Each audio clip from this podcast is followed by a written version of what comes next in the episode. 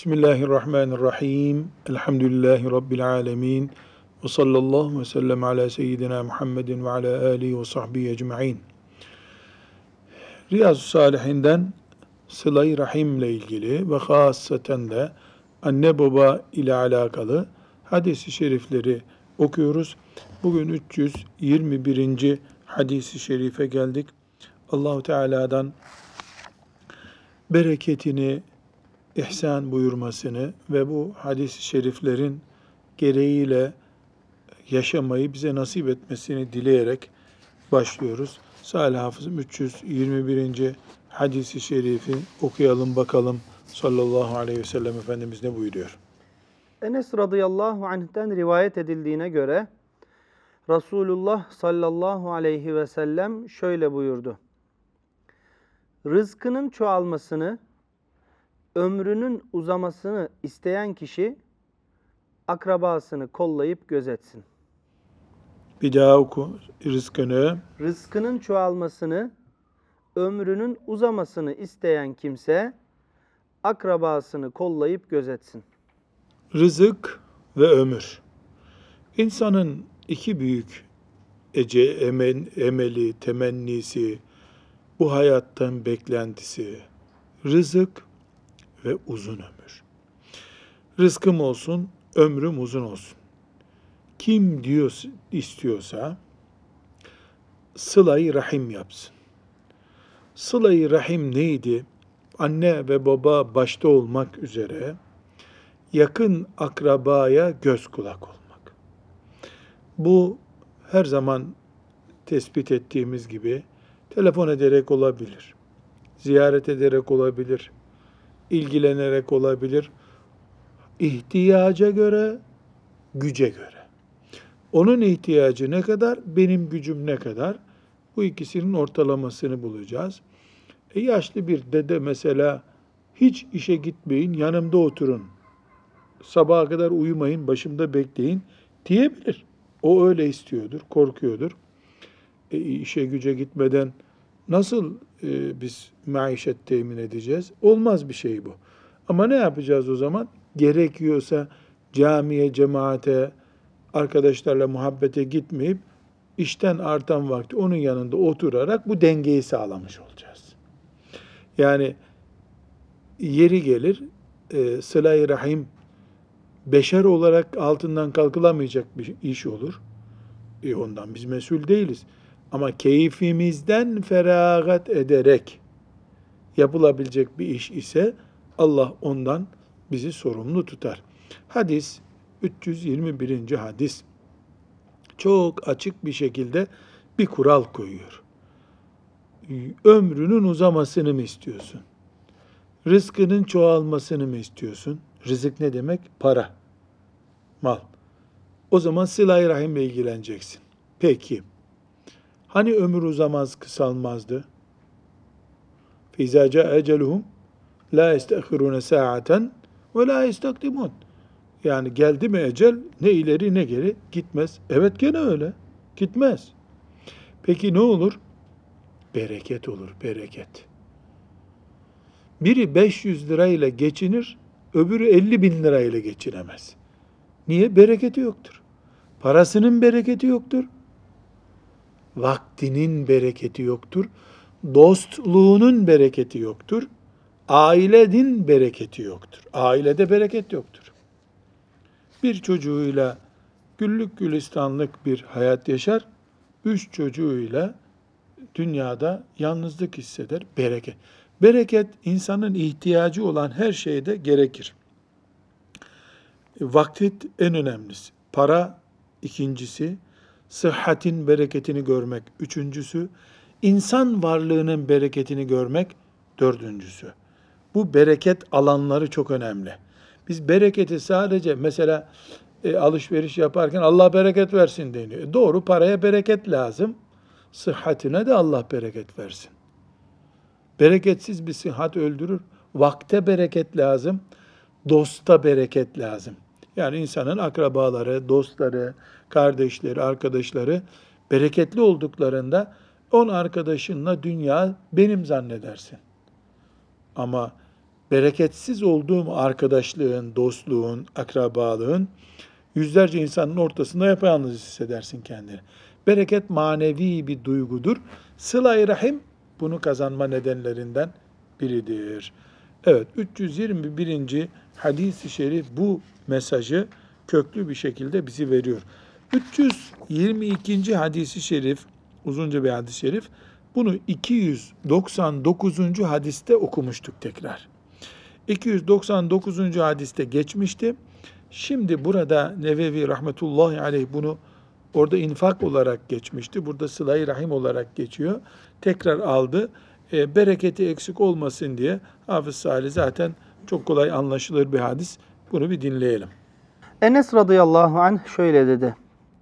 Medine'de ensar arasında en fazla hurmalığı bulunan Ebu Talha'ydı.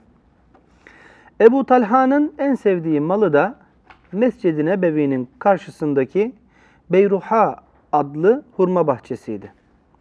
Resulullah sallallahu aleyhi ve sellem bu bahçeye girer ve oradaki tatlı sudan içerdi.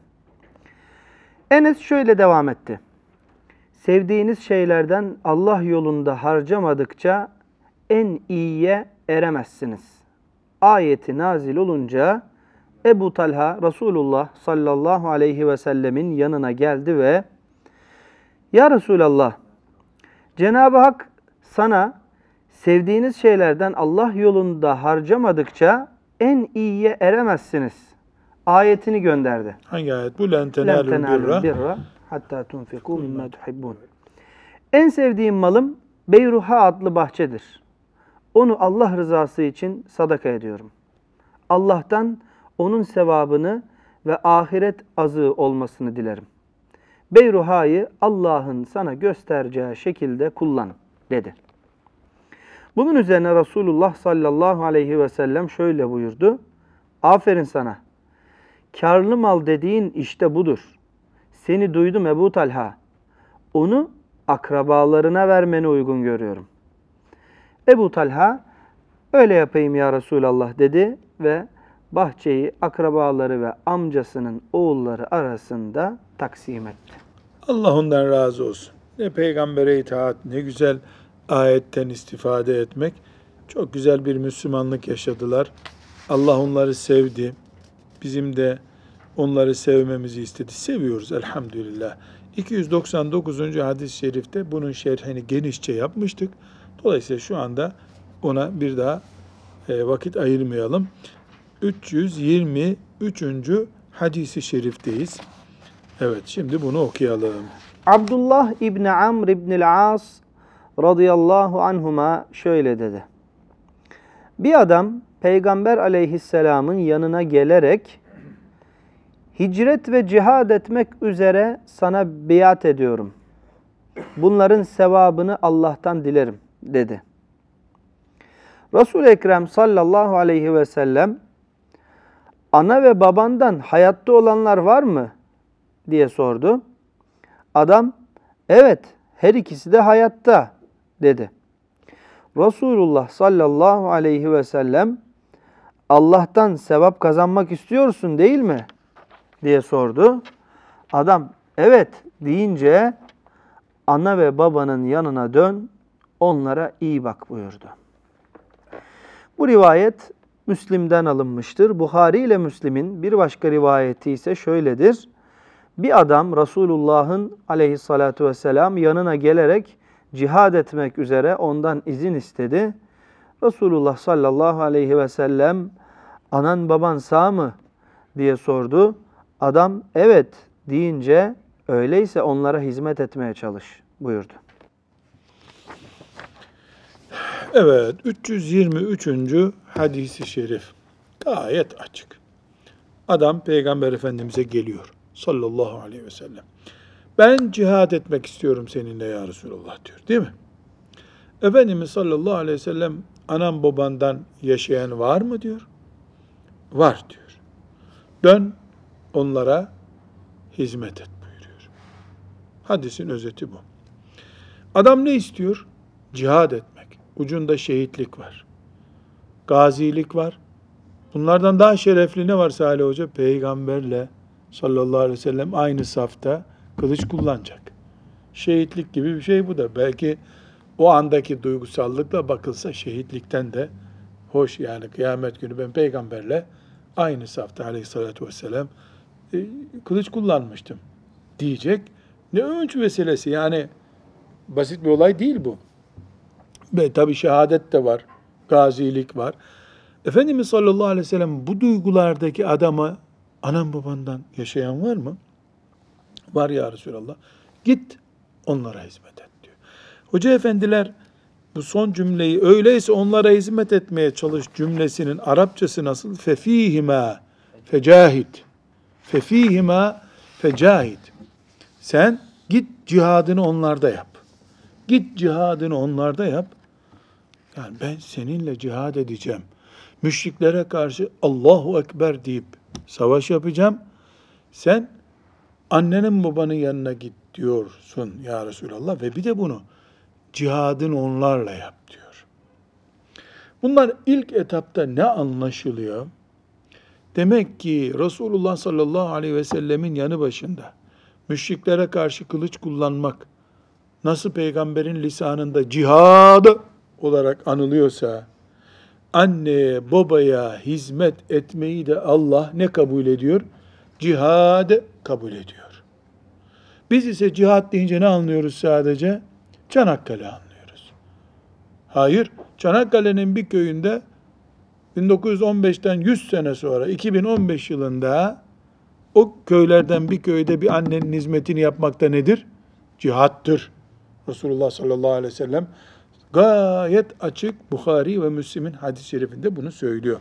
Peki, burada şöyle bir soru çıkabilir. Yahu ümmeti Muhammed'in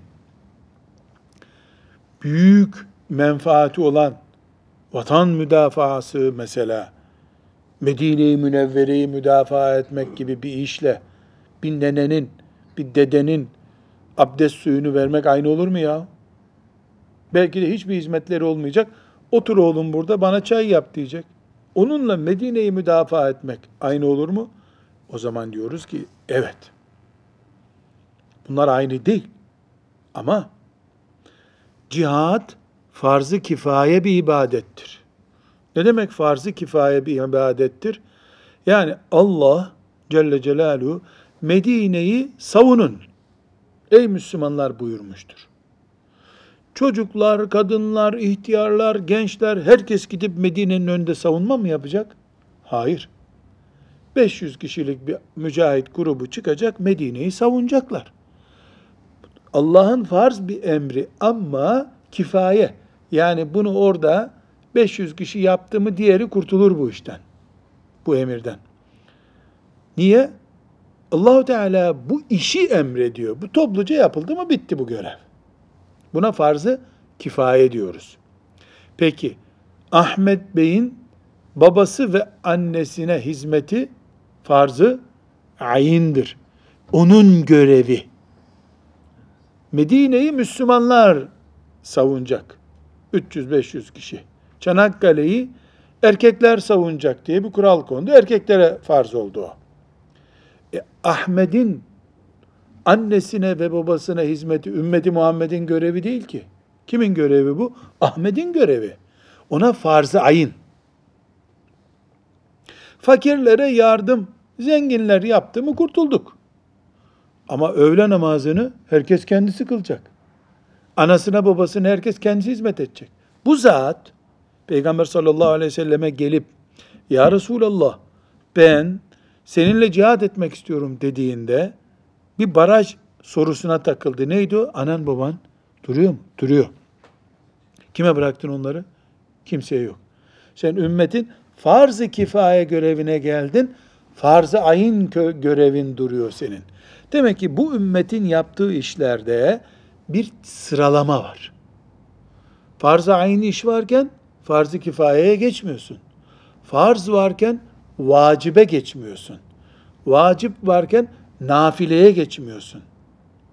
Haramlar burnunun dibinde dururken mekruhlarla uğraşmıyorsun. Bir sıralama olacak. Mesela bir evi yaptık. Çatısı mı önemli, boyası mı önemli Talha Hoca?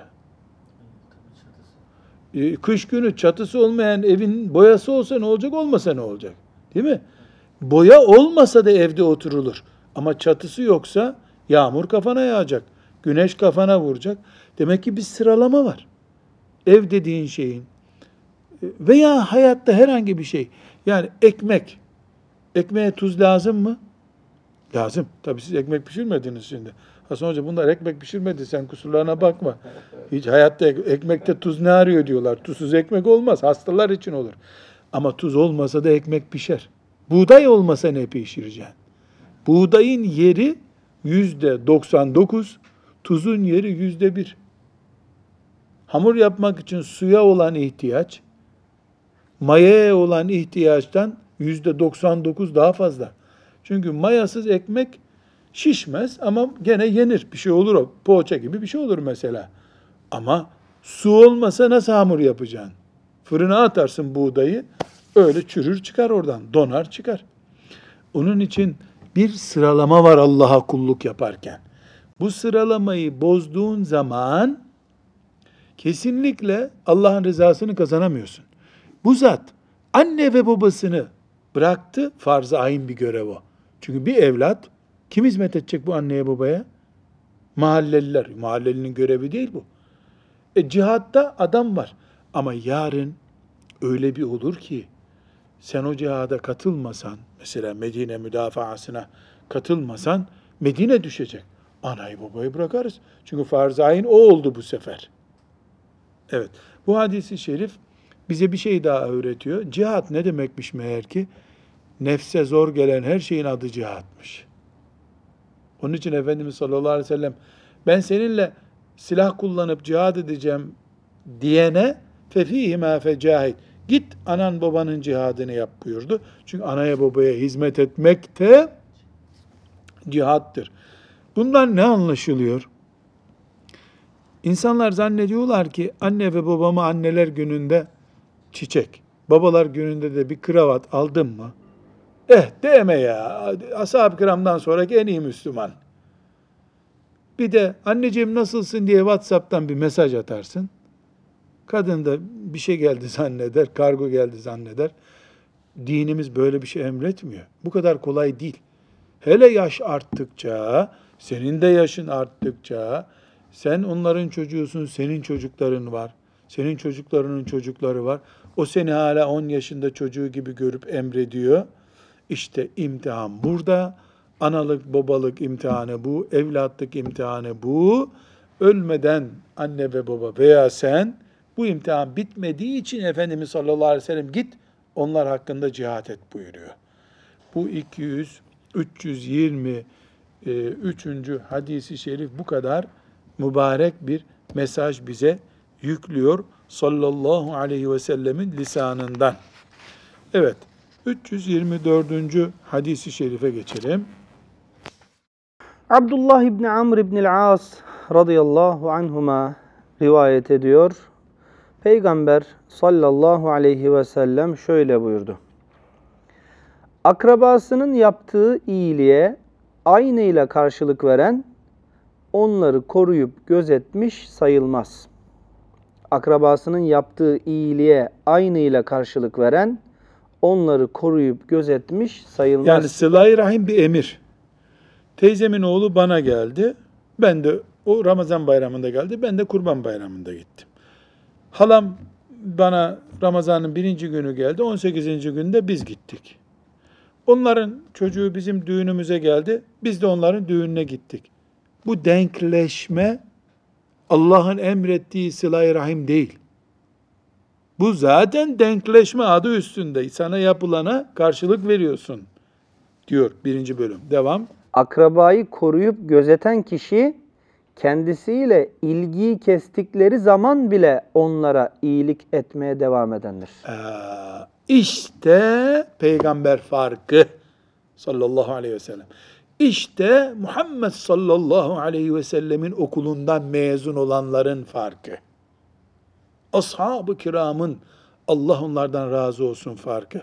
Gelmiyor, ben gidiyorum ama. O zulmediyor, ben affediyorum. O vermiyor, ben veriyorum. denkleşmek için değil, Allah böyle bir şey emrettiği için yapmanın farkı bu. Standardımız bu. Gelmiyor, gidiyorum. Telefon etmiyor, ediyorum. O baskı yapıyor, ben affediyorum. Görmezden geliyorum. Ve bana bir kutu lokum getirdiği yok hayatta, ben bir kamyon hediye götürmüşümdür. Ve bunu konuşmuyorum. Neden? Çünkü ben yüz verdi, yüzde ben verdim diye denkleşmek için bunu yapmıyorum ki. Benim çocuğumun sünnetinde o altın getirdi diye ben ona götürmüyorum ki. Ben Rabbimin hediyeleşin emrine uyduğum için götürüyorum. Ben karşılığımı ondan beklemiyorum ki, Rabbimden bekliyorum. Onun için Muhammed sallallahu aleyhi ve sellemin okulundan mezun olanlar, karşısındakinden bir şey beklemezler. Onu yaratandan beklerler. Karı koca olduklarında da böyledir bu. Yani kocam bana bilezik aldı. Ben de ona şimdi teşekkür edeyim diye değil. Allah teşekkür eden kullarını sevdiği için teşekkür eder.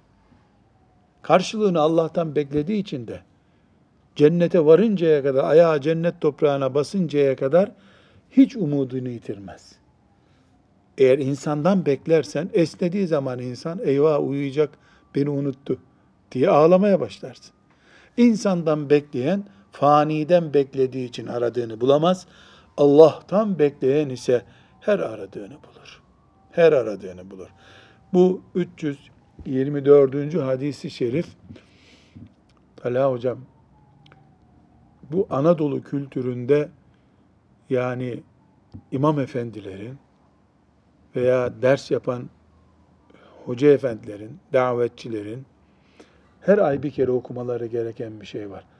Filanca bize çok iyilik yapar, biz de ona iyilik yapalım. Bu insani bir tavır güzel.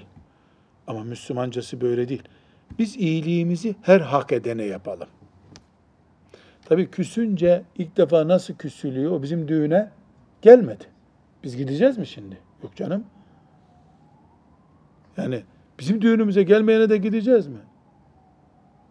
Gitmemiz gerekir ama e, toplumda öyle anlaşılmıyor. Heh, bu toplum bizi yönlendirmiyor ama. Bizi Resulullah sallallahu aleyhi ve sellem gönderiyor ise eğer gerçekten biz bu o zaman standardımız belli bizim. Ama keşke sen deseydin ki helal bir düğünse yine gideriz biz deseydin. Yani bizim düğünümüze gelmedi ama onun düğünü helal, gidilir bir düğünse biz gideriz. Helal değilse hazır gelmedi, iyi bir bahane oldu gitmeyiz. Evet. Bu hadisi şerifi de elhamdülillah böyle öğrenmiş olduk. 325. hadis-i şerife geçelim Salih Hafız. Ayşe annemizden rivayet edildiğine göre radıyallahu anha Resulullah sallallahu aleyhi ve sellem şöyle buyurdu. Akrabalık bağı arş-ı alaya tutunarak şöyle demiştir.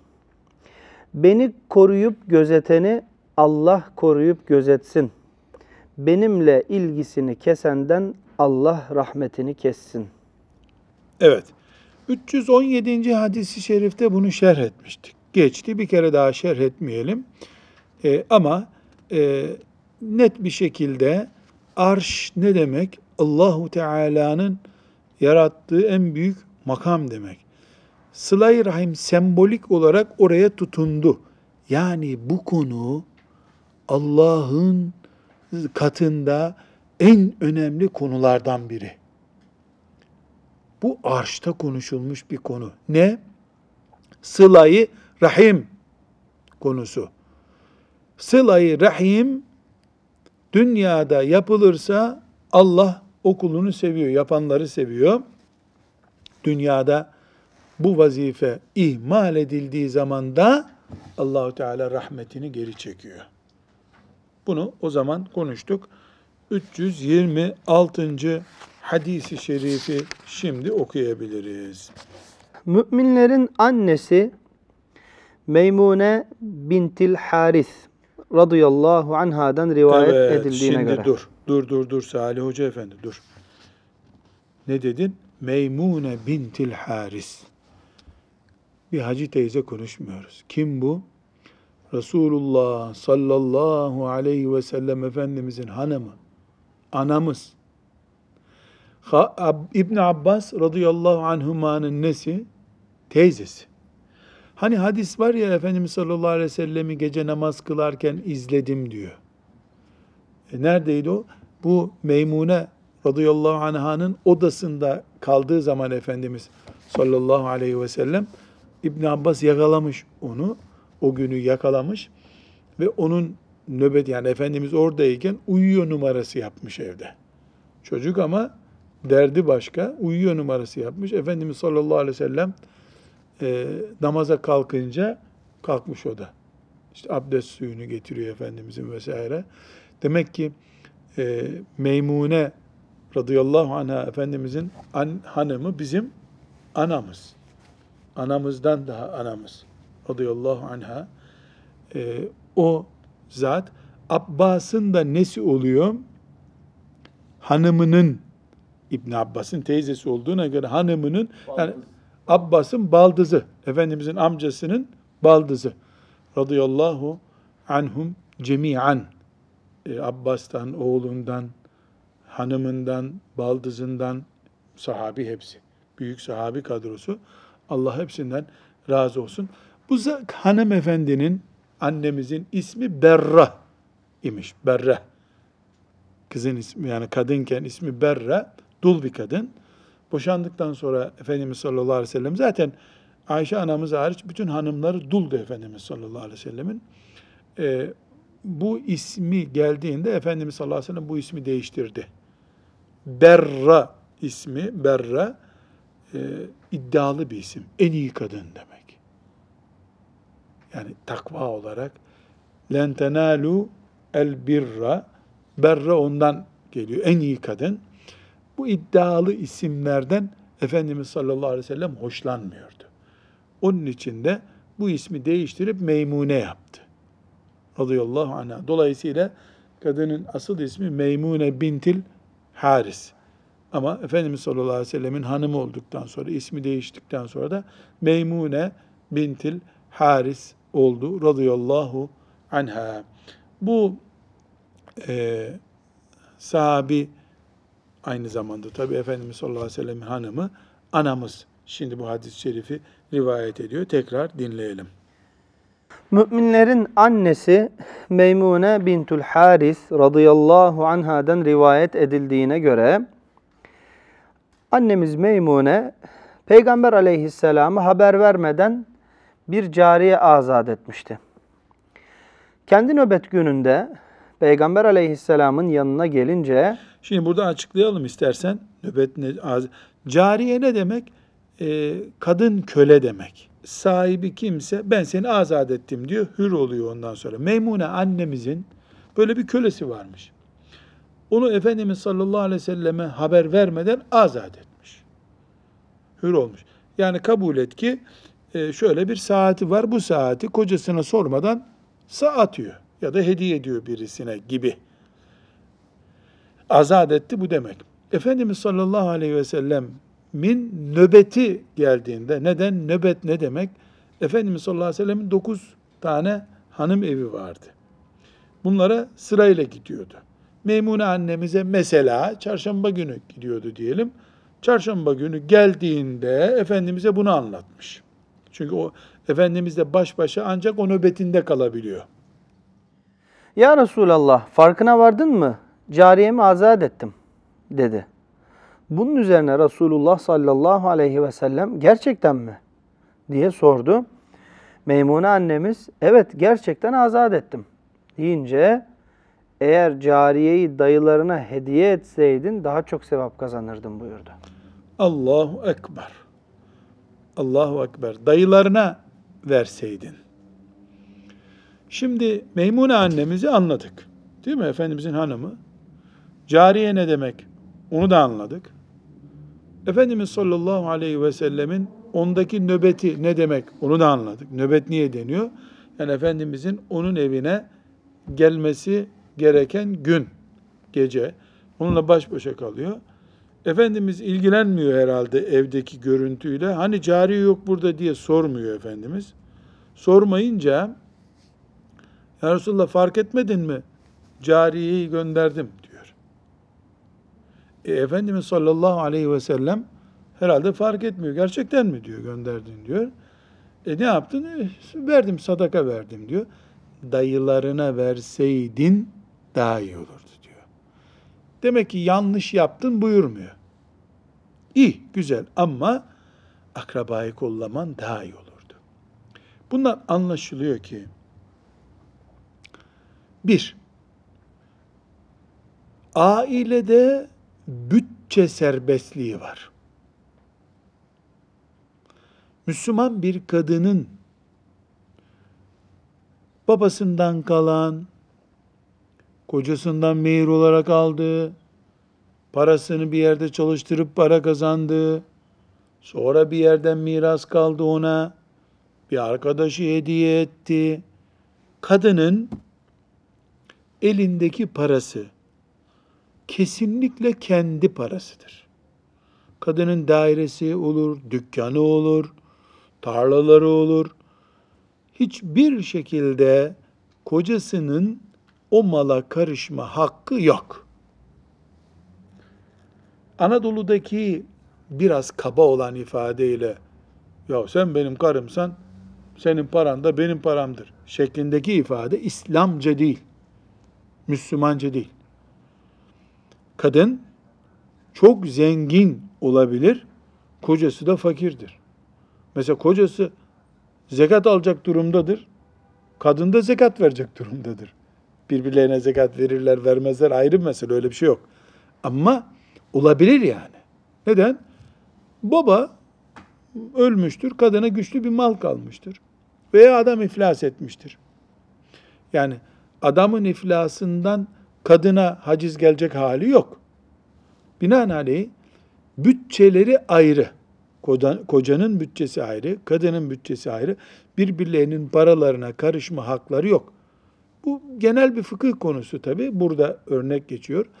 Mesela kadın bu parasından sadaka verebilir, ticaret yapabilir, yani kiraya verebilir. Bu serbest kadın bunda. Kocasının herhangi bir şekilde malından bunları yapamaz ama. Mesela kocasının parasından alıp sadaka vermek için izin alması lazım. Ama kendi parasından istediği kadar sadaka verir, istediğini de hediye eder. İsterse helal bir bankaya koyup hesaba kapatır. Kural şöyle. Erkekle ve kadının karı koca olduklarında da paraları birbirlerinin cüzdanına karışmaz. Şimdi bu asırda gelen sorulardan şöyle bir şey anlıyoruz. Yani bir yolla kadın da çalışıyor. Onun da maaşı var. Maaşları birleştiriyorlar.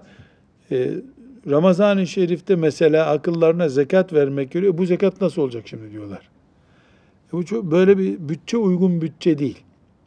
Ama şu olabilir. Şu uygun olabilir. Yani kadın çalışır. İşte 2000 lira aylık alır. O aylığı getirir, kocasına verir. Ben 300 lira işte masraf aldım kendime ihtiyacım. Al gerisi senin der. O para kocanın olur. Bunda bir dinen bir sakınca yok ama az bir aralarına sorun girince o paraların dökümanı çıkarılıyor. Envanteri getir bakalım diyor. Kaç aydır ben sana veriyorum. Ben vermesem araba alamazdın diyor. Hatta bunun boşanmayı kışkırtan nedenlerden olduğunu da görüyoruz. Çünkü allah Teala en iyisini bize öğretiyor. Herkesin bütçesi ayrı olsun. Zekatını ayrı versin. Sadakasını ayrı versin. O kadın kardeşine ayakkabı alacakmış. Kime ne zararı var? Ar kardeşine araba alacak. Kendi parasından alıyor. Erkek buna tenezzül etmemeli. Bir hakkı da yok zaten. Böyle bir hakkı da yok. Burada e, biz bu hadisi şerif Meymune annemiz radıyallahu anh'ın hadisi sebebiyle bunu öğrenmiş olduk. Kadının özel malı olabilir.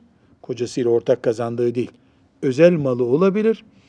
O özel malda tasarruf yüzde yüz kadının kendisine aittir. Dinen hüküm böyledir. Kocasıyla ortak nasıl olurlar? Şirket kurabilirler. Kadın koca kanunen de öyledir zaten. Şirket kurarlar. Şirketin sonuçları yüzde on hanımınındır, yüzde doksan da kocasınındır. O da ona göre taksim olur. Zekatını da ona göre verirler. Herkes zekatını ona o şekilde verir.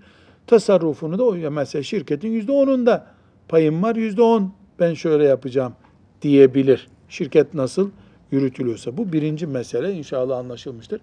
İkinci mesele burada Efendimiz sallallahu aleyhi ve sellem çok narin bir çizgi çiziyor. Keşke dayılarına bağışlasaydın diyor. Çünkü bir kadının yapacağı iyilik fakire yapıldığında adı iyiliktir. Fakir dayısına verdiği zaman çift iyiliktir. Dubleks iyilik olur o zaman. Çünkü dayı akrabadır. Akrabayı kollamak daha iyi bir görev. Buradan bir nokta çıkarıyoruz. Çıkardığımız nokta şudur. Ee, Müslüman insan akrabasına yardım etmekle görevli. Sıla-i Rahim zaten bu hadis buraya niye girdi? Sıla-i Rahim bağlantısından dolayı girdi. E, Müslüman sadaka veriyorsa akrabasını kollamalı. Öncelik olarak.